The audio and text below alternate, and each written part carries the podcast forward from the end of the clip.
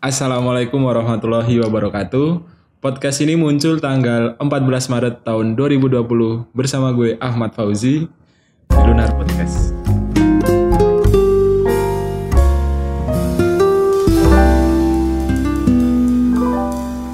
Oke, terima kasih. Selamat pagi, selamat siang, selamat sore, selamat malam buat semua pendengar gue. Pada podcast kali ini, aku ya, sekarang ganti aku ya. aku sekarang lagi bersama temanku, teman kuliah khususnya sih. Eh, namanya Eti. Hai Eti. Halo, teman kuliah tak sih? iya, teman kuliah. Nah, kenapa di sini aku ngajak temanku si Eti ini? Iya. Karena eh, pada tema kali ini aku mau bahas tentang merantau. Wih, akhirnya bahas tentang percintaan. Aku bucin tadi. Enggak enggak karena apa ya eh, bisa dikatakan si Eti ini adalah seorang perantau sejati. Oh, iya. Iya. Nanti nanti kita bakal tahu kayak cerita ceritanya tips-tips em, untuk perantau pemula itu gimana? Iya perantau pemula. Intinya eh, untuk eh, teman-teman sekalian semua yang dengerin ini yang sekarang lagi merantau yang eh, baru awal-awal merantau itu ada tips-tipsnya atau eh, untuk bertahan dalam perantauan itu gimana? Masih, padahal aku merantau ya belum lama loh ya Allah. Oke oke, mungkin langsung aja cerita cerita awal-awalnya kok bisa merantau terus sekolah di Jogja itu kayak gimana Ed? Bisa, bisa diceritakan dikit nggak? Panjang banget loh. Iya. Nggak apa-apa. Oh enggak, terus kayak kalau dibikin kalau dibikin buku mungkin tiga Iya. novel. Iya. Trilogi kayak di kayak Dylan loh. Iya. Masalahnya panjang banget ya perjalanannya. Mm-mm. Gimana gimana? dari dari apa ya aku ke Jogja ki berarti ini aku bahasa Indonesia atau bahasa Jawa Enggak campur aja oh, nggak apa-apa. campur ya Pendengarku. oh nah tahu nusuk Inggris tuh nanya Amin. Bisa go internasional. iya aku aku merantau itu pada lulus SMP lulus SMP itu berarti kapan lulus SMP umurku 15 tahun Boy, ya apa 4 2014. ah, ah 2014 ya Iya. berapa sih 15 tahun Iya. Heeh, 15 tahun. Kalau aku memutuskan untuk hijrah. Iya. Itu hijrah. kemauanmu sendiri apa disuruh rantau atau gimana? Aku dulu kan ke Jogja itu pertama kali kelas 5 SD. Lalu, Sama Ma? eh, eh, kelas 5 SD sama sama eh, my father. Iya. Father. sama papaku tau. Itu karena di karena saudaraku itu ada yang eh saudaraku ada yang itu loh nikah. Iya. Nah, aku ke aku ke Jogja selama hampir mas setengah bulan boy ya. Iya, dua mingguan. bulan. Karena nggak mungkin kan orang Sumatera kan aku dari Jambi. Ya. Iya dari Jambi. Iya, aku dari Jambi, nggak mungkin lah aku dari pelosok Jambi Sumatera sana ke Jogja cuma berapa hari nggak Iya. bisa mesti nggak mungkin pasti ya hampir satu bulan lah gitu. Nah habis itu aku tiba-tiba langsung ke gue tertariknya loh, iya. Berarti Jogja ada, ada Iya, sesuatunya. ya? kayak tertarik ah, bocah kelas 5 SD gitu kan ngelihat Delman, Iya. ngelihat terus abis itu pertama kali makan nasi kucing, Iya. pertama kali makan gudeg, kayak pokoknya kayak eh, berbeda banget gitu loh antara makanannya apa gimana gitu. Udah. Nah, habis itu aku dari SMP udah kan udah kelas 6 terus dari SMP Iya. aku selalu bilang aku besok pokoknya pengen merantau aku pengen sekolah di Jogja gitu tok aku udah ngomong sama kedua orang tua aku kayak gimana gitu terus orang tua aku ya ya ya ya sampai aku tuh eh, mungkin dulu kayak masih polos ya sih Iya. jadi itu apa namanya sosokan religius Iya. iya Pas sudah lulus SMP gitu. maksudnya waktu lulus SD terus SMP tuh Oh. aku kayak anu puasa Senin Kemis Oh, tuh ikhtiar, ya. ikhtiar. iya Senin Kemis Eh, doanya lah doanya gitu Iya, iya. Eh, Senin Senin Kamis sing tahajud lah sing apa Hmm. lah juga ya banget maksudnya aku Senin Kamis itu waktu dulu SMP wah kira pamer gini aku Iya. padahal saya Gak apa-apa buat cerita aja. Bang. padahal dulu aku gak pernah puasa. Sa- Sekarang sekarang aku gak Iya. pernah puasa ya Allah. Dulu waktu SMP kalau kita punya tujuan tuh kayak eh apa namanya? Ikhtiar dulu. Mm-mm, pengen usahanya saya pol-polan terus Iya. aku sampai puasa atau setiap setiap anu Senin Kamis itu niatku aku pengen sekolah SMA di Jogja gitu kan. Iya. Dulu aku pengennya SMA Teladan. Edan tuh. SMA 1. Ah, SMA 1 Jogja. Sementara kan aku waktu SMA udah browsing-browsing di Jogja tuh yang paling bagus SMA apa? SMA Teladan, SMA 3, 4, eh, SMA eh, Dua. dua, empat mana apa ya dua gitu. Tiga. Oh tiga empat mana apa?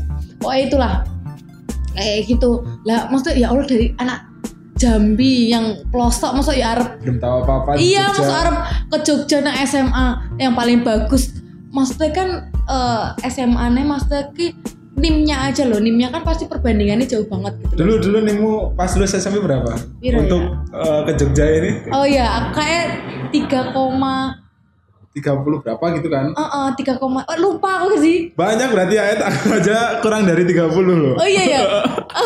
aku kayak tiga koma tiga lima apa Berarti tiga koma empat puluh ya. Pokoknya segitulah pokoknya. 34 ya Apa? Ya pokoknya lebih kurang tiga koma tiga meh empat lah. Iya. Pokoknya gitu.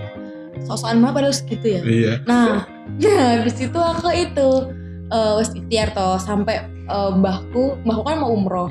Pas akhir mau kelas 3 gitu kan. Mbak doake ya mbak mau aku SMA di Jogja gitu Iya. kan. Oh iya iya mbah bilang gitu.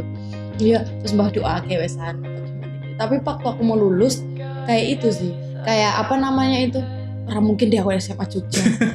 Maksudnya aku Eh, bukan nih Jogja ini iya maksudnya SMA satu Jogja nggak punya aku cuma doa ya Allah semoga aku eh, keterima di SMA Jogja tok. Nggak nggak ngomong kan aku dulu bilang spesifik gitu iya, ya. agak lebih spesifik. Ah, ah, aku eh, kan harusnya doa itu kita harus spesifik. Ya, SMA terus lah SMA Jogja aja gitu. Nah terus habis itu ah, orang tua aku suruh di Jambi wae. Hmm. ibuku. Sih ibu. Ibu ngomong yang di Jambi wae. Di Jambi wae lo kak. Terus gimana? Terus sebenarnya kan SMA SMA dan eh, eh, ibuku minta aku SMA nya SMA nya di Jambi.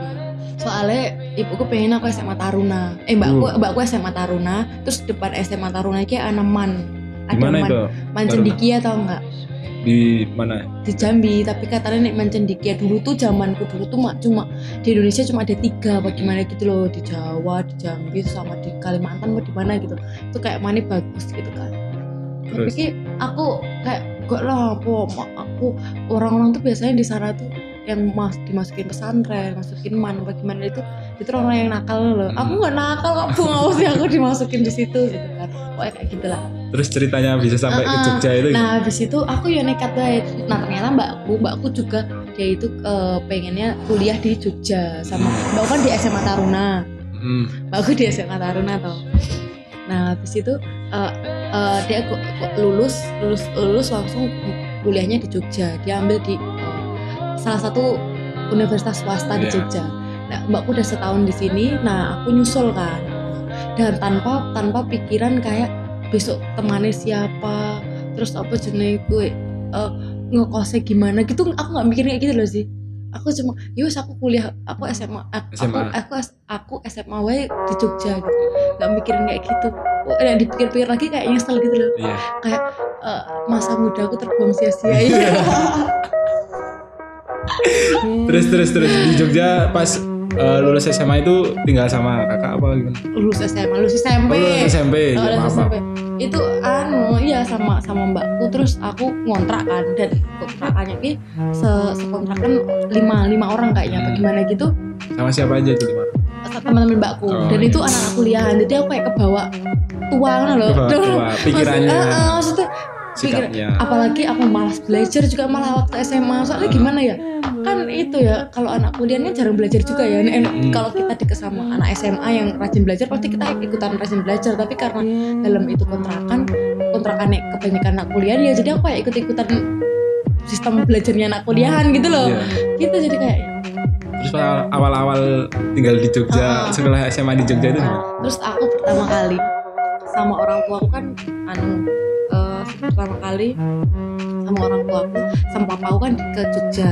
Terus ke tempat kontrakannya mbakku di sana kan. Nah itu eh, yang daftarin mbakku sama papaku tau. Terus daftarin gitu terus aku aku nggak mungkin kan ke SMA satu itu. Tapi aku masuk di SMA eh, ya negeri sih. Masih negeri di, di Bantul daerah Bantul. Alhamdulillah dapat negeri. Padahal papa udah pesimis. Alah kak nih nggak dapet ya swasta wae lah. Mana gitu. Muhammadiyah Muhammadiyah mau gimana gitu. Pokoknya kayak gitulah. Nah terus papaku balik terus aku juga pulang. Oh ya sampai itu kan eh, pas daftar-daftar itu waktu mau eh, papaku balik itu kan eh, karena de- karena udah balik kan udah daftar udah udah, udah bisa. Terus waktu udah di Jambi kan mau balik ke sini. Balik ke sini aku cuma sendiri loh sih mbakmu? Mbakku kan ah, itu liburan. Oh, liburan kuliahan tiga bulan. Tiga bulan tuh pulang kan kalau aku masuk Juli mbakku masuk eh September kan Iya. kayak gitu kan itu aku sendiri toh itu perka- pertama kali ini pertama kali ini mau mau mau merantau sendiri Iya. aku baru tahu eh dan ternyata merantau kayak gini ya. Rasanya gimana? awal? Iya. terus ternyata ternyata kan eh, itu siap-siap gitu hari ini hari hanya hari H siap-siap terus habis itu anu eh papa papa papa kan aku aku kan ad- eh, aku punya mbak kamu punya adik aku perempuan semua kan terus mbak mbak sama adikku itu sama papa kan eh, di depan di depan gitu kan dia bilang gini kan aku naik travel soalnya ibuku belum itu orang tua nggak anu karena kalau naik bus kan nanti dituruninya di mana kalau Iya. travel tuh langsung sampai rumah gitu kan Iya. nah habis itu bilang eh anu mbakku eh mbakku adikku sama papa kak kak kan kalau manggil aku kak kak kak itu mobil eh, mo- mobilnya udah sampai di depan gitu kan oh oh iya kadang masih di belakang. Oh oh iya kayak, oh oh iya pak nah terus papa karo anu papa papa mbakku Mbak, adikku adik. bawain barang-barangku gitu kan. Habis itu aku nanya kok ibu nggak ada? Gitu kan. Di mana di mana tadi? ibu ibu nggak ada gitu. Terus aku itu dari dapur kan.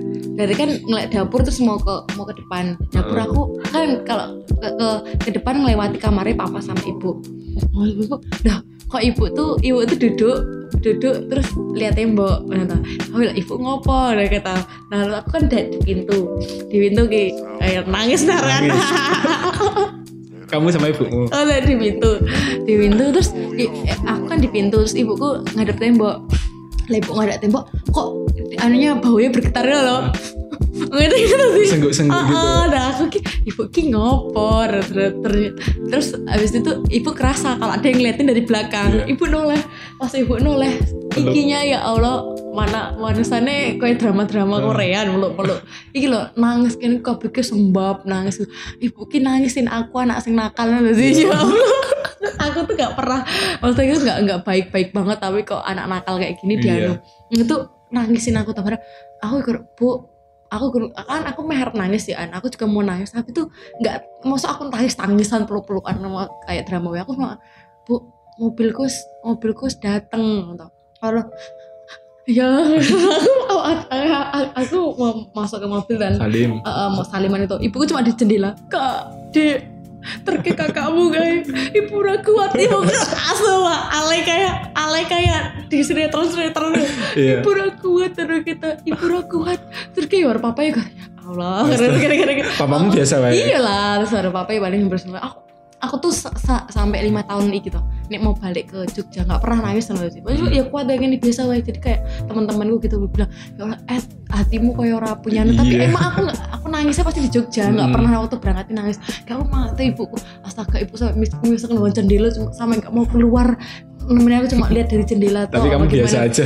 nggak mau gitu ya aku naik travel soalnya kan kayak anak 15 tahun tiga hari tiga hari tau dari Mm. Jambi ke dari Jogja. Jambi ke Jogja tiga hari naik bis oh, transit dulu ke kapal lah ke opo lah ngono Sendiri. Heeh, sedikit kayak mungkin perasaan ibu ya Kok nggak diantar kamu bawain barang itu sama ayahmu? pokoknya wis kayak wis merantau wis kan pilihanku jadi orang tua ini mana anaknya pilihannya itu ya harus terima resikonya Oh, iya. semuanya kayak gitu loh sih itu itu kayak pertama kalinya aku bener-bener Pisah sama orang tua. uh-uh. sampai Jogja aku langsung nangis sumpah aku sampai Jogja buka kan itu subuh subuh tau Heeh. jam 4 tuh aku buka kunci aku nangis. Ternyata aku bisa ngelewatin ini aku sampai Jogja gitu untuk terpisah dari orang tuaku. Aku rasa kayak ya Allah kayak itu sebuah prestasi kebanggaan. Sih. Untung aku terus di kapak-kapakin Iya. jalan orang terluka apa keselamatanku. selamat, heeh. jadi aku kayak terharu gitu. Tapi kayak aku belum berani. Dulu kan aku kayak masih ke SMA yuk cuma apal jalan SMA Hmm. terus mau ke warung gue takut-takut. Bocah lagi semono aduh banget loh sih takut-takut apa gimana gitu Umur berapa? 15 tahun ya? Nak? Mm-mm. Tadi di kontrakannya siapa? Oh, di kontrakannya mbakmu. Mm-mm. Berarti ada teman-teman yang mbakmu Ta- tapi kan anak kuliah semua Iya. jadi September pada datang gitu. Hmm, gitu ya. Oke, eh, lebih apa ya mengharukan daripada Alay daripada film-film yang sedang booming ini. iya kayak Kisah cintanya. Oh, kisah cinta, kisah kisah cinta Oke, terus wae. kayak Nah, oke untuk eh, sekarang udah berapa tahun merantau kamu? Berarti 15 aku dua mau 21. Iya. Iya, enam tahun. Iya ya Pak ya. Mau ya anggap aja lima tahun lah kan belum 21 belum. Terus suka duganya suka duganya merantau di Jogja ini apa sih kayak khususnya di Jogja ya merantau. Heeh. Kamu selama enam tahun ini apa yang kamu rasakan sukanya duganya itu? Lima tahun lah kayak Ya ya udah lima tahun aja. ya gimana ya per- pertama agak menyesal juga kan dulu aku juga kayak pengen eh, apa namanya eh, waktu waktu eh, maksudnya waktu SMP karena aku udah bikin planning aku besok mau eh, kuliah di mana mau gimana gitu terus aku pengen jadi ini jadi ini terus ternyata waktu aku SMA permasalahan permasalahan itu bukan kayak aku mau kuliah di mana apa aku gimana lagi tapi malah ke permasalahan aku harus ngadepin seseorang lingkungan Lingkungan. lingkungan sosial seseorang kayak gitu loh jadi kayak aku harus beradaptasi lagi dari nol ke piye lingkungan sosialnya ke piye makanannya juga kayak gimana. Terus pertemanan terus orang-orang ternyata orang-orang Jogja itu kayak gimana orangnya. Ada yang ada yang eh, nyakitin juga ada yang baik juga ada yang hedon ada yang enggak ada. Jadi kayak malah itu pelajaran ini malah itu itu loh sih aku malah jadi aku waktu SMA nggak rajin nggak kayak aku padahal pengen jadi dokter kan. Ya. aku pengen jadi dokter kan. Tapi aku kayak malah fokusnya malah nganuin nganuin eh, beradaptasi sama lingkungan dulu gitu loh itu yang bikin Itu selama berapa tahun adaptasi kayak gitu? ya, Apa selama aku SMA karena SMA? oh, itu kayak kan kaget kan sih perbedaan walaupun aku bisa bahasa Jawa tapi Jawanya pasti beda Hmm. Eh, apa eh eh, pemene temanku bilang oh kamu dari Jawa pasti kok dilok-lok se iki Jawane iki kayak gini gitu karena Hmm. ada yang berbeda kata-katanya nang Jawaku sama Jawamu gitu kan Iya. pasti ada yang berbeda kayak gitu terus beradaptasi. Eh, sampai aku sampai aku kadang nyesel kenapa aku nggak beda ibu ayo nah aku nang mancen diki terus aku tuh dihapus terus aku daftar gratis. Sosokan banget ya kayak kehidupan enak ya Iya. daftar gratis nang eh, kedokteran mungkin aku langsung entuk. Ngapa aku menurut gue karo ibu gitu? Kadang kadang itu nyesel. Iya, nyesel. Eh, kadang nyesel tapi wes lah terima wae. Wes gue eh, duka banget aku Iya, kayak duka. masa masa masaku yang katanya masa SMA paling enak paling piye gitu kan jadi kayak enggak yuk kalau malah masa-masa berjuang berjuang gimana duit itu cukup selama satu bulan Iya. Iya itu itu kan? di di transfer selama satu bulan berapa itu masa itu pas tahun itu SMA? pokoknya aku awal bulan Iya. kan eh, apa namanya aku kan di SMA aku kan ada per bulan Mm-mm. Pokoknya per bulan tuh SPP. SPP SPP perubahan 150 apa berapa jadi awal bulan ditransfer dulu terus habis itu baru baru nanti pertengahan ditransfer lagi atau gimana gitu. Tapi dulu ATM-nya baru satu sih. Aku baru norak kan. Nggak bisa aku pakai ATM awal-awal? Maksudnya belum dibikinin toh. Terus masih pakai ATM mbakku jadi kalau mau minta duit ya aduh ya Allah nih duit dipa- dipegang mbak kan rasanya gimana? Waktu nek eh, apa ATM ku waktu itu ATM ku udah sendiri enak gitu kan. Tapi ki orang tua aku tuh nggak yang kayak manjain gitu loh sih kamu satu bulan tak kasih satu juta lima ratus apa gimana gitu. Kayak kayak eh, nggak nggak sampai kayak gitu. Jadi emang bener-bener ini cukup Fleksibel gitu, Bu. Enggak enggak pasti setiap bulan. terus nih momen aku minta bu duitku habis. Nggak langsung ya juga harus dikirim gitu loh. Jadi eh, jadi pas pemane uangku habis bis ki Jumat habis mana tinggal berapa gitu. Lah Sabtu Minggu Senin. Ya nggak nih Senin dikirim. Nih Selasa dikirim. Aku harus bertahan lima hari gitu kayak apa? Mana aku pinjam uangnya temanku ki lima puluh ribu apa dua puluh ribu. Pernah loh aku cuma punya uang dua puluh ribu. Ya aku bertahan dua puluh ribu itu Untuk makan. kan untung aku kontrakan tuh jadi masak telur apa gimana gitu-gitu. Belum bensin. Astaga kan naik motor jauh tuh jadi gitu kayak ya ampun duit semua berarti harus pinter-pinter memanage Ah, ah, uang jadi- gitu ya. apalagi kan anak SMA eh, jam pertama jajan jam Kedua, kedua jajan istirahat jajan terus jam kosong jajan Jajan. apa jajan terus orang maem maem bengi Iya. ma- ma- makan malam jajan gitu jadi kayak aku belum bisa ngontrol kayak gitu loh jadi kayak duit habis sih buat jajan jajan jajan berarti kayak selama gitu. SMA itu masih kayak apa adaptasi buat Mm-mm. mengatur keuangan juga ya. Mm-mm. Harus pinter-pinter. Harus mengatur pertemanan orang-orang yang kayak aku kaget kok ada ya orang kayak gini gitu kan kan aku dulu kayak baperan Iya. kayak baperan kayak masalah-masalah nggak suka sama temen gue langsung aduh nggak bisa tidur apa piye ngono iki kan maksudnya masih kecil gitu kan karena itu sih Terus mas pas masa kuliah itu gimana? Ras? Udah tahu apa seluk beluknya di Jogja itu gimana? Mm-mm. jadi waktu masa kuliah ki enteng rasanya Enteng. Eh, enteng terus kayak pokoknya ada orang ki berselisih paham bagaimana aku jadi kayak udah bisa punya masa lalu yang kayak ah, wah biasa wae lah maksudnya kalau orang-orang ki interaksi sama orang biasa aja lah gitu kan ada orang yang kayak baper lah sampai gini-gini musuh-musuhan sampai gimana jadi kayak aku udah merasakan waktu SMA jadi waktu kuliah kayak udah terlatih gitu loh jadi Iya. kalau makanya aku waktu kuliah jadi enjoy wae lah pertamanya ya enjoy wae terus rasa diambil pusing rasa yang yang harus aku sama kamu kamu sama aku kan ada yang Hmm. pertemanan kayak gitu geng-gengan apa gimana ya boleh sih tapi kan ada kalanya eh, nggak nggak selalu aku harus sama kamu kamu nggak sama aku kayak gitu Itu kan tadi kayak dukanya, duka dalam, dalam dan mengatur keuangan juga. Untuk sukanya apa? Sukanya ngerantau di Jogja itu apa? bebas bebasnya ini maksudnya gimana gitu? Bebas main atau bebas gimana gitu? bebas bebas nentuk apa yang kamu mau toh Sih. iya Untuk mencari jati diri juga ya, kan Uh-uh. masa-masa SMA Jadi- gitu. Eh, karena tidak diawasi emang kurang banget ya nggak ada pengawas dari orang tua gitu kan pulangnya jam berapa bagaimana tapi kan selalu ditelepon. Terus ibu dulu waktu SMA kan ribut weh kak awas lu kak aku udah kena narkoba nih gini. Ya ibu masih kayak anu gitu loh. Eh, masih eh, takut banget gitu loh takut tuh anak anak SMA nang kono kon narkoba lah seks bebas sama gimana. Ya Allah bu enggak bu aku kayak gitu gitu kan. Jadi tapi waktu kuliah udah agak bebas gitu kan. Enggak nek di telepon enggak selalu bilang kayak gitu Itu tiap hari teleponan atau Mm-mm, tiap hari intensitasnya tiap hari oh, tiap dulu hari. waktu SMA bahkan pagi ditelepon siang ditelepon Hmm. istirahat kalau eh, malam ditelepon gitu waktu kuliah ya sehari paling sekali Mm. dua kali gitu gitu nah aku sering nek teleponan gitu sering sih soalnya aku jomblo kan sih Mungkin jadi jadi mau sama siapa tapi anu fakta loh fakta teman-temanku yang merantau rata-rata dia itu kayak punya kekasih loh. Iya. soalnya kan dia kan pengen banget bertahan di sini jadi kan jadi dia harus punya gandengan Mm-mm. buat dia kuat tuh kayak gimana gitu lah. Nek aku gandenganku juga. emang deketnya sama keluarga, sama temen temen-temen kayak gitu. Jadi Iya. beda, beda itunya. Rata-rata temenku ada yang jomblo sama rantau ya. Mereka kayak punya uh, sport support, Support system. system. yang berbeda Iya, gitu loh. support Makanya system. itu uh, aku mah ya wes lah payu payu. nggak- nggak- Kan jomblo orang mesti payu payu toh. Iya. kan itu prinsipnya. Kalau prinsip pengennya lagi jomblo kan nggak apa-apa. Ya bukan ada prinsip sih, Rano senembak. Iya. Nah tadi kan kayak eh, temanku Eti udah ceritain kayak pengalamannya dulu ngerantau gimana, terus suka dukanya ngerantau di Jogja itu gimana.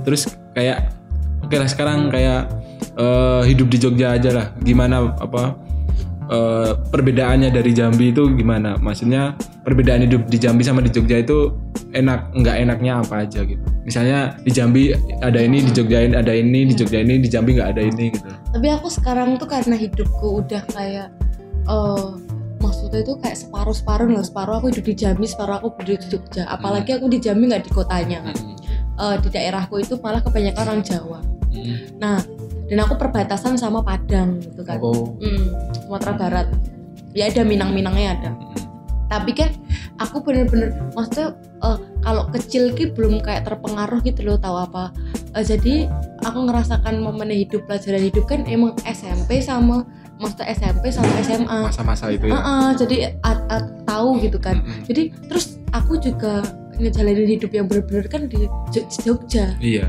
jadi kayak saya kayak aku nggak maksudnya hidupku tuh kayak iya sih semuanya kayak rumah gitu loh. Kurang ke Jambi soalnya keluargaku di sana terus eh temanku SD SMP di sana.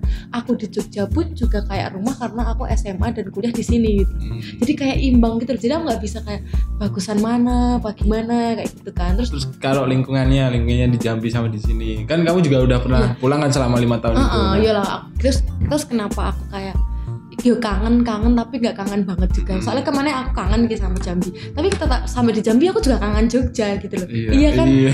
soalnya aku juga di Jambi kan pulangnya cuma dua minggu satu bulan kayak gimana. Setahun sekali soalnya kan. Nggak nggak yang berbulan-bulan. Jadi kan ada orang yang berbulan-bulan jadi kayak males lagi untuk balik ke Jogja. Jogja. jadi kan kan itu. Dan yang paling duka banget momen aku pulang tuh kan kayak gimana ya aku di sini tuh kayak ngelewatin yang mana ke sana tuh udah beda gitu loh. Mbah ini udah meninggal Hmm. bapak ini udah meninggal adik ini udah meninggal apa jadi Orang-orang kayak yang kamu kenal itu Uh-uh. pas kamu balik udah meninggal tak- dan aku di sini. Jadi aku Hmm. rasanya kayak itu beda banget loh. terus suasananya beda. Waktu aku SMP iki bocahnya masih kecil-kecil masih imut-imut ternyata sekarang udah alay-alay. Dan pangling ya. Heeh, malah alay-alay. Terus ibu-ibu juga kadang kan oh ini oh ini yang sekolah di Jogja. Kadang aku juga nggak dikenalin.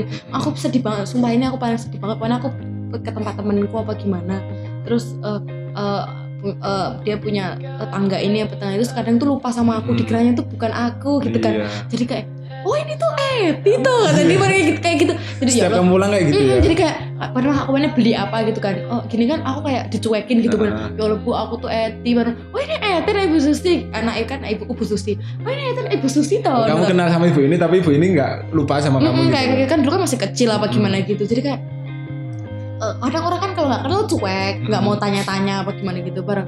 Lama-lama juga walah ini gitu jadi aku kadang sedih nih pemen aku ke mana terus nggak dikenalin gitu kayak sedih gitu loh. Ya Allah aku tuh masih orang Jambi maksudnya orang daerahku gitu loh. Iya. Kayak gitu.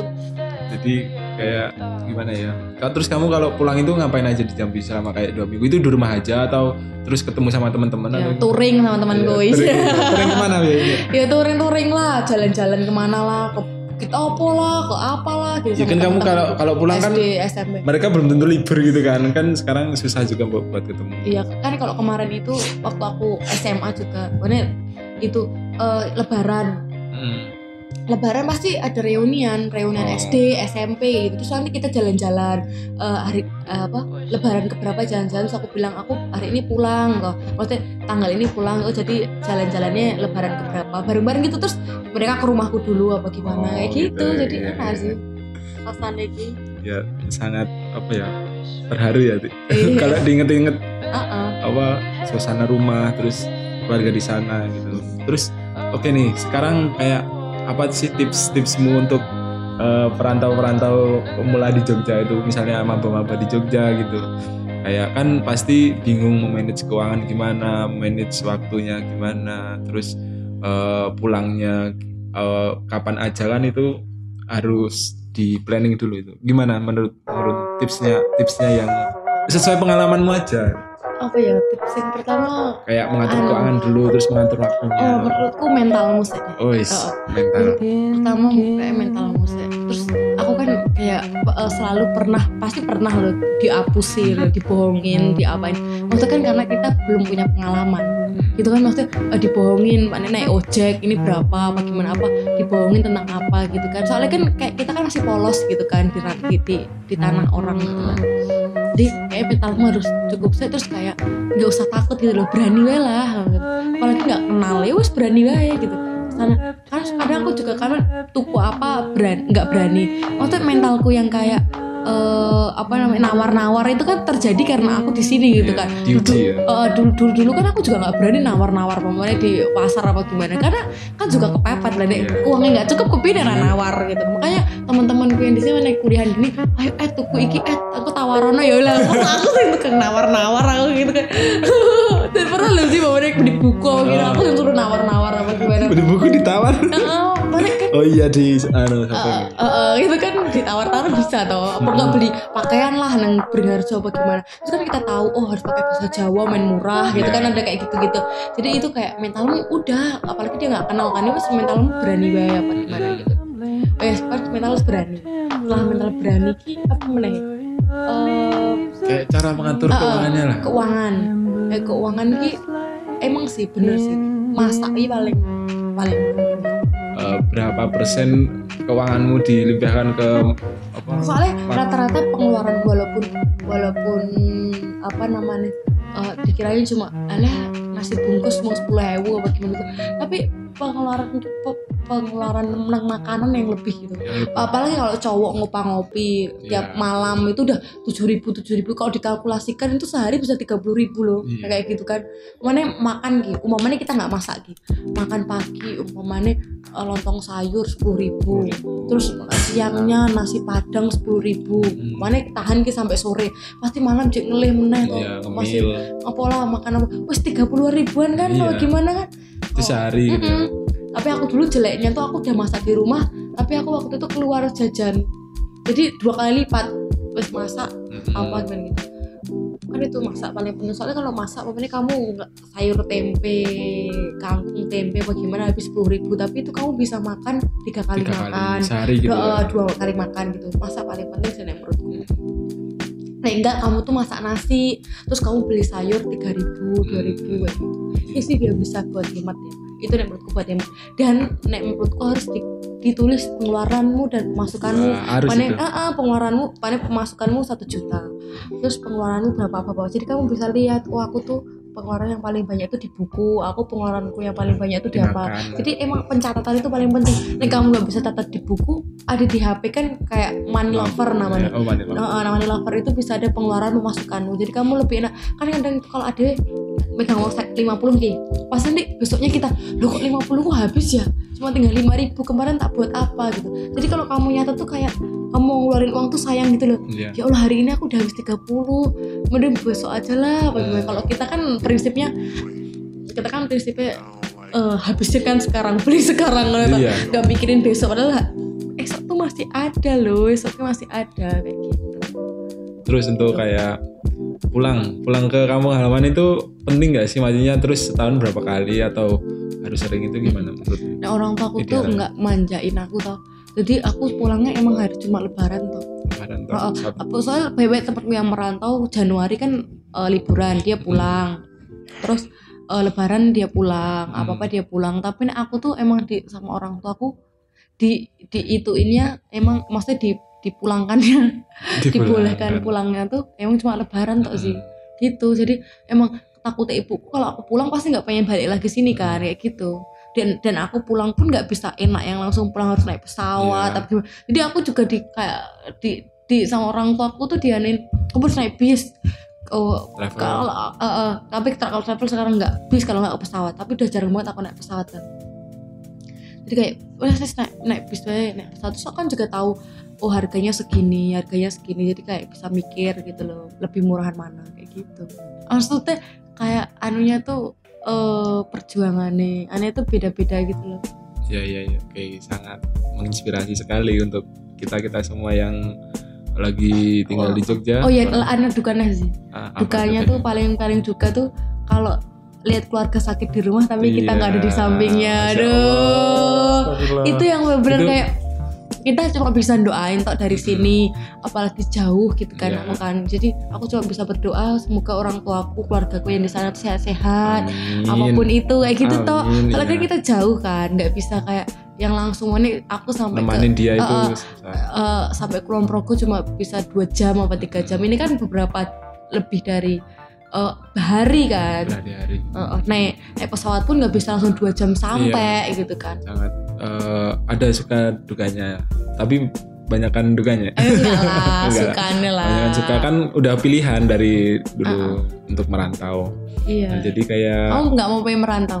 Aku merantau di Jogja aja. Oh jadi Aku Kulon, kan- Kulon Progo Jogja Kulon Progo Iya. Jogja aku aku orangnya perantauan tapi kamu nggak pernah itu loh juga pernah naik naik eh, nggak pernah naik pesawat kan? Makanya kamu harus merantau biar bisa naik pesawat. Pernah aku aku dari Riau kan aku orang Riau aslinya. Oh. jadi kan aku pamer tuh dari udah tahun kapan naik pesawat? Aku aku Aduh. naik pesawat udah berapa kali bolak balik Riau Uh. yang terakhir balik ke Jogja untuk tinggal di Jogja. Dan itu naik pesawat gitu kan loh banyak kan orang Beto eh terus naik pesawat aku nggak pernah kalau aku nggak merantau kayak gitu ya tapi itu Jadi- itu itu umur berapa ya? Empat tahun kan? Like, Ber- kamu belum ngerasa sih. Iya makanya itu. Tapi kan yang penting udah pernah. Karena aku aslinya Riau juga dan udah di- lama di Jogja tinggal lama di Jogja dan nah, itu tadi kayak cerita dari Mbak Eti kayak suka dukanya hidup di Jogja merantau di Jogja itu kayak gimana. Jadi aku mau menyimpulin dikit aduh karena eh, kalau eh, kalau kalian ingin merantau itu kal- yang harus dipersiapkan itu adalah mental Iya kan Mbak Eti Mm-mm.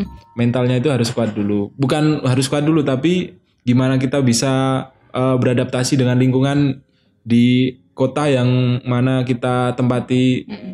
tempati itu kan. gitu. Nah, kalau kita udah kayak udah bisa beradaptasi, udah bisa eh, apa ya hidup di sana dengan kayak tenang tanpa was-was, terus bingung ini ini itu. Nah, kalian baru bisa kayak eh, bisa mengatur keuangan kalian. Nah, eh, pemasukan kalian ini segini, pengeluaran kalian segini itu harus bisa karena eh, ya tiap orang beda-beda. Orang tuanya ada yang misalnya berkecu- berkecukupan, ada yang Langsung kurang, dikirim ya, gitu ada kan. yang ada yang habis langsung dikirim, ada yang habis nungguin dulu sampai akhir bulan kan Iya. itu kan beda-beda. Nah itu pintar-pintar kita untuk mengatur keuangan dalam kita merantau di kota orang gitu. Hmm. Nah selanjutnya mungkin kayak tadi eh, masalah pulang kampung. Nah itu kan tiap orang juga tiap orang tua juga beda-beda untuk eh, nyuruh anaknya pulang, terus eh, untuk kumpul lagi keluar sama keluarganya, kangen-kangenan itu kan beda-beda gitu kan. Ada yang setahun sekali pas lebaran, ada yang tiap libur semester kan beda-beda gitu. Jadi eh, pinter-pinter kalian aja gitu. Kalau ada waktu terus ada uang buat pulang ya sempetin pulang karena eh, diam-diam orang tua di rumah itu juga kangen gitu kan. Iya, tapi eh, terkendala misalnya terkendala biaya. Jadi kalian harus nabung juga buat kayak jaga-jaga uang jaga-jaga buat seandainya ada masalah di rumah itu kan bisa langsung untuk pulang. Mm-mm. Jadi kan kayak beda gitu loh sih. Eh, apa namanya waktu aku setelah aku merantau tuh sayangnya dua kali dapat sama orang tua Nah, lebih betah- nambah. Iya, Kok- Mungkin ada yang pernah kalau kamu serumah terus pernah cekcok mesti Iya. kan, bagian. tapi kalau kamu udah merantau tuh kayak sayangnya tuh lebih bertambah, lebih Mm-mm. mengerti, orang tua juga lebih paham kayak gitu. Nah, mungkin itu bisa lebih eh, mengerti arti dari apa ya Eh, kebersamaan. kebersamaan Heeh. sama keluarga gitu harus kalian harus kayak me- menabung rindu ke depan Iya. dan akan kalian pecahkan celengan rindu itu Iya. mungkin itu aja podcast dari dari aku. Semoga bisa bermanfaat bagi teman-teman terutama teman-teman yang maba atau yang lagi merantau di Jogja baru merantau di Jogja. Semoga bisa jadi tips-tips tadi bisa jadi kayak patokan kalian untuk hidup di Jogja khususnya. Eh, cukup sekian dari saya. Enggak, IG ku sih. oh iya Mbak Eti mau promosi mau promosi YouTube atau promosi IG silahkan Ayo, YouTubeku Eti Suci oh iya Eti Stin- IG ku juga sama. Instagramnya apa Mbak Eti IG ku juga Eti Suci Rumah. Nanti ditaruh di deskripsi Iya di ya, box gitu. nanti aku taruh deskripsi untuk Heeh. teman-teman biar tahu ya kayak Mantek-mantek followers ku nambah. Iya, Mbak Eti ini juga seorang podcast podcaster juga Iya. baru pemula kayak aku gitu. Jadi sama-sama anu lah bertumbuh lah berkarya gitu. Mantap. Eh, Oke, sekian dari saya. Kurang lebihnya mohon maaf. Wassalamualaikum warahmatullahi wabarakatuh. Bersama saya Ahmad Fauzi di Lunar Podcast.